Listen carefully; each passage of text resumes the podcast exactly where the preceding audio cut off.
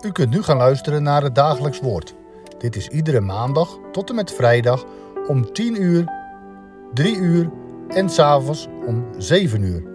Deze meditatie wordt verzorgd door dominee Jongeneel.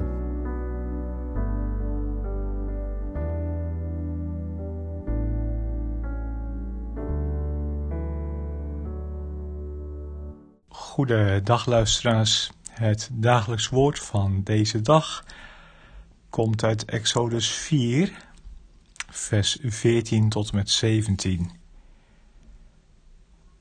Waar geschreven staat: Toen ontbrandde de toren van de Heere tegen Mozes. En hij zei: Aaron de Leviet is toch uw broer? Ik weet dat hij uitstekend kan spreken. Bovendien, zie, hij trekt u tegemoet. Zodra hij u ziet, zal hij zich van harte verblijden. Dan moet u tot ons spreken en hem de woorden in zijn mond leggen. Ik, zal, ik zelf zal met uw mond zijn en zijn mond zijn en u leren wat u moet doen. En hij zal voor u tot het volk spreken. En dan zal het zo zijn, hij zal voor u tot een mond zijn en u zult voor hem tot een God zijn. Neem daarom deze staf in uw hand waarmee u die tekenen moet doen. Tot zover. Ik dacht bij mezelf, er zullen er onder ons vast zijn die het overkomen is. Op een dag lag er een brief op de mat, of stond er een ouderling of scriba voor, de deur. Je was benoemd tot diaken, ouderling, tot ambtsdrager verkozen, door God geroepen. Het geeft vaak een hoop onrust. Nou, en Mozes dan? Hij ook, door God geroepen tot leidinggevende om het volk Israël te leiden, om het leiderschap op zich te nemen en het volk uit dat slavenbestaan van Egypte naar de vrijheid te leiden. Het geeft een hoop onrust. En Mozes bedankt voor de eer, tot viermaal toe zelfs. Hij zegt: Ik ben niet geschikt. Ze zullen me niet geloven. Ik ben geen man van woorden. Stuur maar iemand anders. Maar dan staat er, toen ontbrandde de toren van de Heere tegen Mozes. Wist u dat dat de eerste keer is in de Bijbel dat de toren van de Heere te sprake komt? En, en lees goed hoe het er staat. Er staat niet zomaar toren van God, maar specifiek staat er de toren van die ene, de God van Israël, de God van het verbond, de Heere, Yahweh. Ik denk trouwens gelijk bij mezelf, hoe vaak probeer ik niet onder het woord van God uit te komen? Hoe vaak is het niet gebeurd dat ik het las of hoorde of dat ik zondags onder het woord verkeerde en ik voelde me het op me afkomen. Ik wist me persoonlijk soms aangesproken, maar ik probeerde er onderuit te komen. Ik zei of ik dacht bij mezelf, ik wil niet. Ik kan niet. Ik ben niet geschikt. Ik ben niet waard. Het zal voor mij wel niet zijn. Voor mij een ander. Ach, staat nou boven mijn hoofd misschien ook geschreven. Toen ontbrandde de toren van de Heere tegen hem. Ik sta op en ik loop eens naar mijn boekenkast en trek daar een boek van de plank. Wie is als gij, heet het. Het is geschreven door de christelijke gereformeerde hoogleraar professor Peels. Ik blader direct door naar hoofdstuk 7. Dat gaat over de toren van God. Mijn ogen rollen door de tekst. Wacht, ik zal van die bladzijde eens wat hardop voorlezen. Hier, hier volgen nou wat fladden, door mij zonder commentaar aan elkaar geregen. Ik lees daar de wijze waarop de Bijbel over de toren van God spreekt, maakt duidelijk dat we in deze toren met een realiteit te maken hebben. Het gaat niet slechts om beelden. God torent niet in schijn, maar in werkelijkheid. Zo is de Heere. Het is een God die op goddelijke wijze emotioneel betrokken is op het wel en wee van deze wereld en ons mensen. Door de gehele schrift heen stuiten we, zelfs in toenemende mate, op de ernst van de toren van God. Tegelijk moeten we echter zeggen dat de toren niet een wezenskenmerk van God is. Er staat geschreven: God is liefde. Maar nergens staat geschreven: God is toorn. Het toornen is niet zijn wezenlijke, maar zijn vreemde werk. Diep verankerd in Israëls beleidenis is het woord dat God langzaam tot toren is, langmoedig. Zo heel anders dan de goden van het heidendom. Wat God graag doet, is vergeven en genade betonen.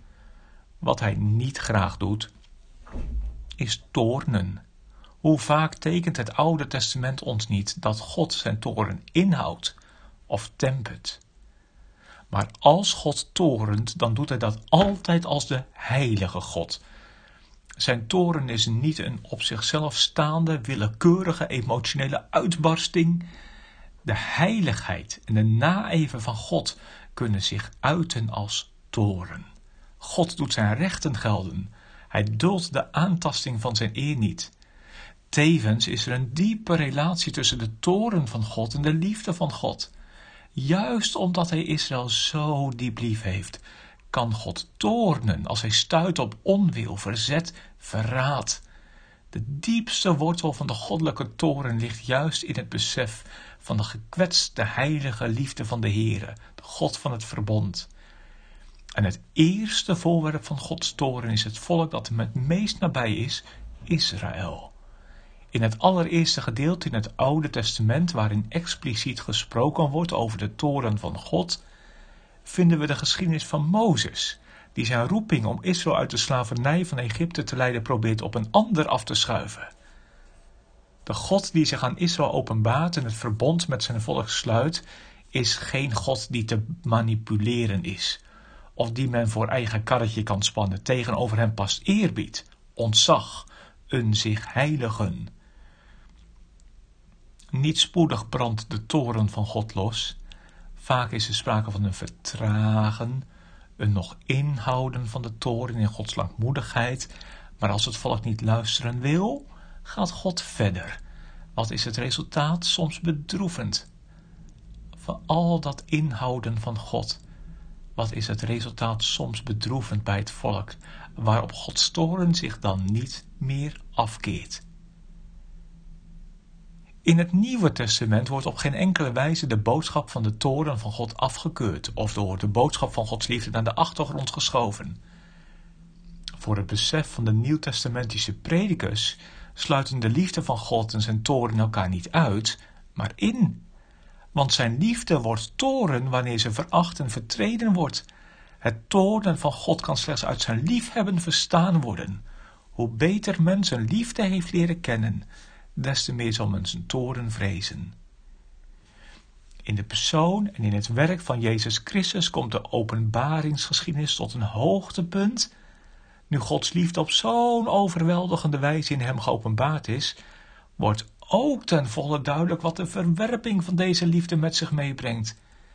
Tekenend is dan het gebruik van het woord blijven in het appel van Jezus als hij zegt, wie in de Zoon gelooft, heeft eeuwig leven. Maar wie aan de zoon ongehoorzaam is, zal het leven niet zien, maar de toren van God blijft op hem. En de heiland spreekt wel over het vuur van de hel, dat onuitblusbaar en eeuwig is. En het boek Openbaring schildert de werkelijkheid van een oneindige pijniging. Nou, tot zover professor Peels uit het boekje Wie is als gij? En dan zeg ik, denk het aan Mozes, die Gods stem ongehoorzaam wil zijn, waarop Gods toren ontbrandt. Dan zeg ik, denk het aan onszelf, zo gij zijn stem dan heden hoort. Gelooft zijn heil en troostrijk woord. Verhard u niet, maar laat u leiden zullen wij samen bidden. Onze Vader die in de hemelen zijt, uw naam worden geheiligd. Uw koninkrijk komen. Uw wil geschieden gelijk in de hemel zo ook op de aarde. Geef ons heden ons dagelijks brood. Vergeef ons onze schulden, gelijk ook wij vergeven onze schuldenaren. En leid ons niet in verzoeking, maar verlos ons van de boze, want van u is het koninkrijk en de kracht en de heerlijkheid in eeuwigheid. Amen.